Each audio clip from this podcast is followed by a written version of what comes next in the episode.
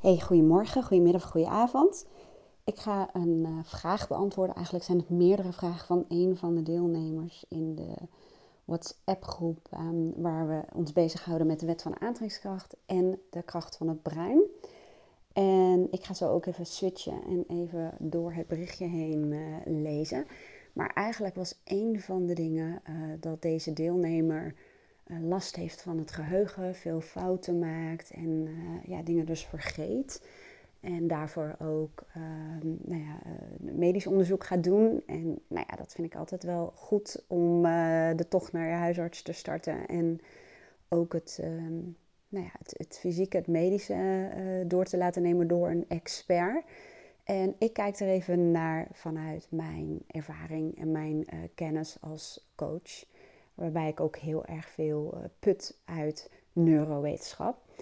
Um, als ik dat lees, hè, vergeetachtig, fouten maken, moeilijker kunnen denken, moeilijk dingen op kunnen nemen. Um, waarbij ze ook vertelt dat, uh, nou ja, dat ze misschien te veel dingen tegen haar zin doet en niet altijd doet wat ze leuk vindt. En heel vaak um, gaat het brein, zij noemt dat blokkeren, inderdaad op een gegeven moment uh, ja, uh, blokkeren. Het is heel vaak zo dat je zelf allerlei signalen krijgt gedurende een bepaalde periode dat het niet goed gaat. Of dat je beter naar jezelf moet luisteren. Hè, of zelfzorg, waar, uh, dat woord noemden ze dan. Um, maar heel vaak ja, negeren we dat, omdat we soms ook niet beter weten. Of niet weten hoe dan en wat dan. En omdat het leven ook gewoon veel van je vraagt. En de huur moet betaald worden of de hypotheek moet betaald worden, dingen moeten doorgaan en dat is lastig. En vaak gaan we het ook als het ware nou ja, uitstellen of wat dan ook. En op een gegeven moment gaat je lichaam zich ermee bemoeien. In dit geval het lichaam en het brein is natuurlijk ook gewoon onderdeel van het lichaam. En um, ja, heel vaak gaat het in de energiebesparingsmodus. Dus als het lichaam op een gegeven moment of het brein in de gaten heeft, is de samenwerking, hè, dat er uitputting dreigt of uh, verzadiging. Hè? Dus dat uh, de buffer vol loopt met allerlei prikkels die mogelijk en niet relevant zijn, maar en niet op een goede manier verwerkt kunnen worden. Dan gaat je brein je als het ware helpen. Dat zie je ook als je heel erg moe bent. Um, dan zie je ook vaak dat je een wat korter lontje krijgt en wat meer in jezelf gekeerd bent, wat vermoeider, dat je dingen niet meer goed onthoudt. En dat is als het ware gewoon de energiebesparingsmodus van je brein. Daar heb ik ook meer podcasts over opgenomen. En je kunt het ook vergelijken met je telefoon. Die zegt ook op een gegeven moment bij een bepaald percentage van je batterij. Uh, mijn telefoon vraagt dan om over te schakelen op de energiebesparingsmodus. En dat betekent simpelweg dat bepaalde processen worden gestopt. En dat de prestaties gaan verminderen. Simpelweg om de batterij zoveel mogelijk te besparen. Nou, en dat werkt in je brein vaak exact hetzelfde. Dus dat is enerzijds een verklaring. En dan is het natuurlijk, maar wat ga je er dan mee doen? En ik kom zo even terug op de andere vragen die zij stelde. Ja, wat ga je ermee doen? Dit is in mijn beleving echt wel het moment om na te gaan. Wat zijn jouw belangrijkste persoonlijke waarden? Dus doe een persoonlijk waardeonderzoek. Ik heb daar bijvoorbeeld ook een cursus voor, die kun je helemaal zelf doen. En uh, dat zijn maar vier stappen om te achterhalen. Wat zijn jouw persoonlijke waarden? En een onderzoekje in hoeverre leef jij nu conform je persoonlijke waarden. Dus je gaat het echt um, een cijfer geven en kijken waar de tekorten zitten. En ook nagaan, wat is dat dan? En welke dingen kan ik uh, organiseren of laten of, of wat dan ook veranderen? Kleine veranderingen helpen juist vaak heel erg veel. Om te zorgen dat ik meer conform mijn waarden ga leveren leven. En dat zorgt er vaak al voor dat je de ruis in je leven gaat herkennen. Het is een soort innerlijk kompas en je gaat heel goed merken wat past bij uh, wie je werkelijk bent en wat je werkelijk wilt en wat je waarden zijn en wat irrelevant is. En je leert ook om daar afscheid van te kunnen nemen. En daarvoor heb ik een programma, die is wat uitgebreider. En daarin ga je ook dieper in op, oké, nou heb ik op een gegeven moment mijn innerlijke kompas en ik weet wat mijn waarden zijn. En ik zie ook waar de tekorten liggen en wat ik zou kunnen doen of wat ik zou mogen doen om mijn leven uh, meer te leven conform mijn waarden. Maar dan heb ik de ander. Andere mensen die in de weerstand zullen schieten, die daar iets van vinden. En dat zijn vaak de uh, conflicterende situaties waarin uh, ja, waarden en vaak normen, normen zijn eigenlijk leefregels om conform je waarden te leven, gaan conflicteren. En vooral als jij gaat veranderen en in beweging komt, dan ja, uh, dwing je vaak de ander onbewust om dat ook te doen en ontstaat er vaak weerstand. Hè? En in dat programma help ik je ook om daar doorheen te gaan. Om dat, dat veranderingsproces waar jij in gaat zitten, om die zo klein te maken dat je het ook echt op korte termijn kunt gaan doen. Ook al heb je niet zo heel veel energie. Maar ook om het zodanig te doen dat je uh, in, in harmonie met je omgeving kunt leven. Waarbij harmonie niet altijd betekent dat het allemaal smooth gaat.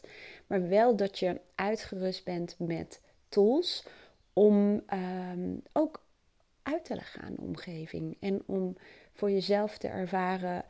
Uh, wanneer ga ik op zoek naar een bepaalde, uh, ja, ik, concessie vind ik een beetje een naar woord, maar om ook tegemoet te komen aan uh, de behoeften van een ander, maar ook trouw te zijn aan mezelf. En wanneer ga ik echt helemaal volledig staan voor wat ik belangrijk vind. En hoe doe ik dat dan zonder daarmee allerlei conflict situaties uh, nou ja, op te roepen, om het zo te zeggen. Dat is het programma. Ik zal wel even de linkjes ook uh, toevoegen. Ik ga dit ook delen als een podcast. Um, dus in mijn beleving is een hele goede, fijne stap om eerst een stukje zelfonderzoek te doen op een leuke manier. Ik probeer ook bijna al mijn online programma's en cursussen en trouwens ook mijn coaching zo leuk, speels en uh, ja, toegankelijk mogelijk uh, te maken. Want dat zorgt ervoor dat je het vaak ook echt gaat doen en leuk vindt om het te doen. Hè? Want uh, zelfontwikkeling kan gewoon ook echt enorm leuk zijn. Heel veel mensen zeggen ook dat ze een soort van bijna eraan verslaafd raken, omdat het werkt en omdat het leuk is. En het zorgt dat je steeds verder groeit en steeds verder ontdekt wie ben ik nou werkelijk en wat wil ik nou echt. En ja, ik zeg altijd een innerlijk kompas gaat je daarbij gewoon goed helpen. En persoonlijke waarden ja, maken daar een enorm groot um, onderdeel van uit. Hoe zeg je dat? Die zin was een beetje raar. En natuurlijk persoonlijkheidskanten. Daar hebben we het ook al heel even in de groep over gehad. Persoonlijkheidskanten, dat zijn gewoon delen van jouw persoonlijkheid die ook vaak meespelen in, het, in vraagstukken waardoor, uh, waar je um, te veel, te lang doet wat je eigenlijk niet wilt. Hè, dat is bijvoorbeeld als je een bepaalde pleaser hebt die heel erg aan het stuur van je leven zit, of een perfectionist, of een streber, of een ja, onzeker deel dat vindt dat het niet goed genoeg is en dat het moet presteren, of dat het uh, een soort bestaansrecht moet verdienen. En die kunnen heel erg dominant zijn, waardoor je vaak helemaal niet goed voelt um, dat wat je aan het doen bent niet goed is voor jou en leidt tot uitputting. Nou, dus dat is een beetje um, wat ik zou verkiezen als een eerste stap. Maar ja, weet je, dat is mijn proces en daar heb ik natuurlijk heel veel klanten mee geholpen. Maar in dit geval gaat het er ook om, om voor jezelf uit te zoeken wat voor jou werkt. Hè? De een heeft heel veel baat bij uh, mediteren of uh, ja, wandelen. Dus zoek vooral ook iets wat goed voelt uh, voor jou.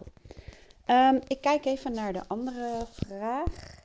Even kijken, even overschakelen naar mijn WhatsApp. Um, even kijken, ja, verminderen van prikkels zal ik zo meteen nog even op terugkomen. Um, heel veel gewerkt.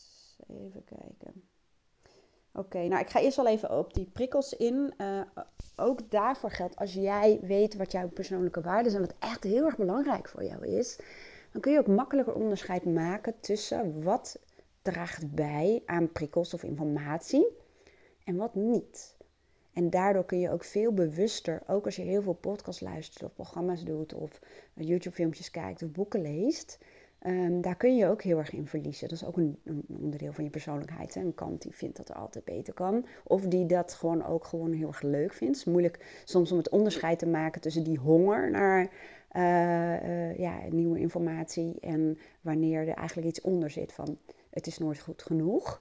Um, maar wat er dan wel heel erg helpt als jij op een gegeven moment uh, je waarde kent en eigenlijk ook een soort missie, dan kun je aan de hand daarvan heel goed selecteren wat daaraan bijdraagt en wat niet. En dat geeft rust. En dat geldt ook voor prikkels in je omgeving. Je hebt dan veel sneller door wanneer iets relevant is en wanneer iets irrelevant is. En dat geldt ook voor mensen die een hoogsensitief brein hebben. Um, en ja, ik, ik heb ook een hoogsensitief brein. Ik ben altijd een beetje, nou, hoe zeg je dat, zorgvuldig met labeltjes. Want als je op hoogsensitiviteit uh, gaat zoeken, dan gaat het echt letterlijk en figuurlijk alle kanten op. Maar het is eigenlijk gewoon een brein dat heel anders informatie verwerkt en wat minder een filter heeft. Dus waarbij uh, prikkels vaak intenser binnenkomen en ook zonder filter. Waarbij je dus zelf eigenlijk meer aan de slag moet om je brein schoon te houden. En je lichaam natuurlijk ook. Hè? Maar ja, en ik heb daar in de loop der jaren uh, bepaalde methodieken voor uh, ontwikkeld voor mezelf. Die ik elke dag doe. En die ervoor zorgen dat ik uh, opgeruimd in mijn hoofd blijf. En um, waarbij ik ook goed onderscheid kan maken tussen wat is belangrijk, wat is relevant, hoe wil ik daarmee omgaan. Dus een stukje verwerking. Zo werk ik ook alleen maar, daar doe ik geen concessies aan, um, op basis van coachsessie, waarbij ik altijd een half uur tussen het ene en het andere sessie heb zitten en minimaal een uur lunchpauze. En ook nog maar drie per, dag, want mijn sessie duurt altijd anderhalf uur. En dat is ook bij jezelf gaan onderzoeken. Ook wat is je bioritme? Wanneer ben je mentaal het? Wanneer kun je beter dingen doen met je lichaam? En uh, ik heb dat zelfonderzoek ook gewoon echt gedaan, waardoor ik mijn brein en mijn lichaam zo goed ken en zo goed weet hoe het werkt en zo goed uh, de balans ook kan houden tussen enerzijds tijd voor mezelf, werken, alleen zijn, uh, reflecteren. En anderzijds uh, dingen met mijn handen doen, dus lekker in beweging zijn. En nog iets, en dat is de verbinding met andere mensen en, en leren. En, en mijn brein eigenlijk prikkelen met nieuwe informatie. Dus het gaat, ja, ik zeg wel, in de natuur zoekt altijd de natuur zoekt altijd naar evenwicht. En dat geldt voor jou ook, voor je brein en je lichaam. Um, nou ja, en hoe? Ja, ook daarvoor geldt weer een stukje zelfonderzoek, waarbij ook weer die waarden heel leidend zijn. Ik weet bijvoorbeeld precies dat twee waarden kunnen naast elkaar bestaan. Ik heb een waarde waarin rust en, en stilte en op mezelf zijn, reflecteren, alleen tijd, echt een beetje slow living, zeg maar, versus avontuur en spontaniteit en geprikkeld worden en uit de sleur. Die twee kunnen heel goed naast elkaar bestaan uh, als het elkaar dient. En niet doorschiet naar de ene kant of doorschiet naar de andere kant. En nou, dat waarde, dat blijf ik bij. Dat is een van de ja, meest uh, waardevolle, mooie woord trouwens, uh, dingen die ik ooit heb gedaan. En die, die, die, ik eigenlijk ook altijd doe en die ik met, mijn meeste, met de meeste klanten van mij ook doe. En dat is ook de reden waarom ik ook een cursus en een programma voor heb gemaakt. Omdat niet iedereen zin heeft om uh, een coachtraject natuurlijk te doen. Even kijken, ga ik even naar de andere vraag. Ik, uh, dat, ik las al van dat harde werken, hè, daar hebben we het natuurlijk net al over gehad. Dat, dat bijvoorbeeld een pusher, dat is ook een deel van je persoonlijkheid, heel hard werkt. Conform de normen en de verwachtingen bijvoorbeeld van de buitenwereld. Of je ouders of whatever van je omgeving. En ze zeggen ook niet voor niks, je wordt het gemiddelde van de vijf à zes mensen wie het meest omgaat. En het is ook moeilijk soms om daaruit te komen. Als je daarin zit en zeker als je om je heen misschien niet veel mensen hebt die een heel ander leven leiden, wat jou misschien meer zou uh, gaan dienen. Dus dat harde werken, als je daarin doorgeslagen bent, dan ook daarvoor geldt, dan gaat het brein en het lichaam op een gegeven moment stijgeren om het evenwicht te herstellen. En hoe doe je dat? Als je te lang, te hard werkt, net als een klant van mij bijvoorbeeld, die nam overdag geen pauze, uh, startte vroeg, werkte echt heel lang door. En s'avonds kon ze alleen nog maar op de bank zitten, Netflix kijken. Ja, dat komt omdat dan dat, dat deel, zij noemde dat het luie deel van haar, waar ze echt afschuw op had zitten. Maar dat probeert eigenlijk eind van de dag te compenseren. Die probeert eigenlijk het evenwicht weer terug te krijgen. En die moet dan uh, eigenlijk naar het extreme doorschieten, omdat uh, evenwicht te herstellen. Omdat overdag werd er ook doorgeschoten naar het extreme. Dus ja, dit gaat natuurlijk ook weer heel erg over evenwicht. Even kijken. Um, wat zegt ze nou nog meer? Ze zegt, uh, door al die verschillende podcasts hoor en lees ik vaak dat je beter niets tegen je zin doet. Dat je gevoel moet volgen. Luisteren naar wat je hart je ingeeft. Ja, dat is wel lastig als je heel erg ratio gedreven bent geweest. Hè? Dan kun je vaak niet eens voelen. Of, of, of um, dan ken je die delen van jezelf eigenlijk niet goed. En kun je daar moeilijk richting aan geven. En zullen vaak ook je rationele delen hè, van je persoonlijkheid ook een beetje in opstand komen. Omdat ze ja, natuurlijk ook gewoon een duidelijke functie hebben. En, en naar je gevoel, je hart luisteren kan ja, een soort van bedreigend zijn. En, en, en daarom kom je daar vaak moeilijk bij. Het klinkt allemaal leuk, luister naar je hart, je gevoel moet vol, uh, volgen. Maar je moet wel weten hoe dat dan moet. Hoe dat is voor jou. En hoe je dat op zo'n manier kunt doen. Hè, sommige mensen willen het heel gedoseerd doen. Dat ze langzaam dat gevoel uh, toelaten. Onderzoekend. Um, sommigen doen dat wat rigoureuzer. Maar zoeken naar een manier die voor jou goed werkt. Waarbij je toch een vorm van veiligheid uh, blijft houden voor jezelf. Hè? Want het kan soms heel overweldigend zijn om in één keer naar je gevoel en je hart te luisteren. En soms kom je daar ook niet bij. Dat zijn ook een soort blokkades die eigenlijk willen voorkomen dat je daar naartoe gaat. Want je brein wil dat je in het vertrouwde blijft zitten, als het ware. Um, ze zegt ook, aan de andere kant hoor en lees ik even vaak dat je moet durven om je comfortzone te verlaten. Dat daar nieuwe, andere inzichten liggen. Welk advies moet ik volgen? Ja, comfortzone is ook zo'n ding. Comfortzone eh, van, van een vriendin van mij, die is ook coach, die zei: uh, skip dat woord. Uh, comfortzone, gebruik het ook gewoon niet meer. Um, comfortzone, ja, tuurlijk, je brein wil het liefst dat jij in het oude vertrouwde blijft. Tenzij dat zo levensbedreigend is, dan natuurlijk niet.